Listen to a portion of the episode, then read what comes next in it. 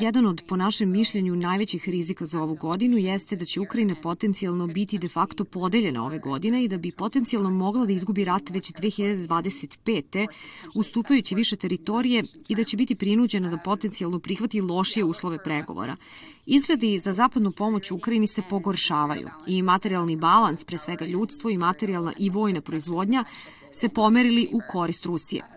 Mislim da odgovorim na vaše direktno pitanje, izbori u Rusiji to neće promeniti. Mislim da je univerzalno očekivano da će Putin pobediti i da će nastaviti sa svojim planom bez prekida.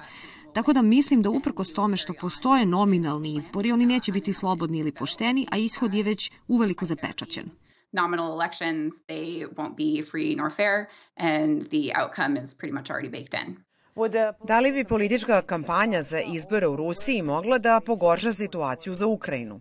I think that's completely possible that rhetoric would increase as... Mislim da je potpuno moguće da bi se retorika pojačala kako Putin vodi političku kampanju, ali on je već pojačao svoju retoriku. On je već naglašavao kako se suprotstavlja nacistima u Ukrajini. Ne znam koliko još može više da eskalira.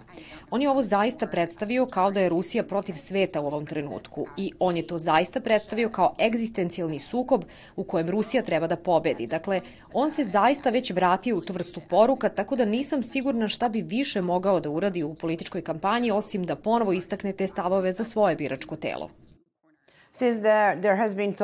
Bilo je razgovora o tome, o ruskom malignom uticaju na Balkanu u Kongresu. To je interesantna tema. Kako Rusija može da iskoristi ovaj rat da potencijalno destabilizuje Balkan, a posebno dijalog između Kosova i Srbije pod okriljem Evropske unije? Da, mislim da je to svakako nešto što zabrinjava mnoge ljude. Dugo je rasprostranjena zabrinutost zbog ruskog malignog uticaja na Balkanu i sposobnosti Rusije da potencijalno podstakne nestabilnost negde drugde kako bi odvratila pažnju od njihovog sukoba u Ukrajini.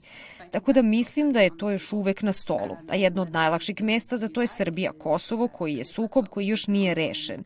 I svakako bi Rusija mogla to da iskoristi da skrene pažnju sa sebe dok nastavlja svoju kampanju u Ukrajini.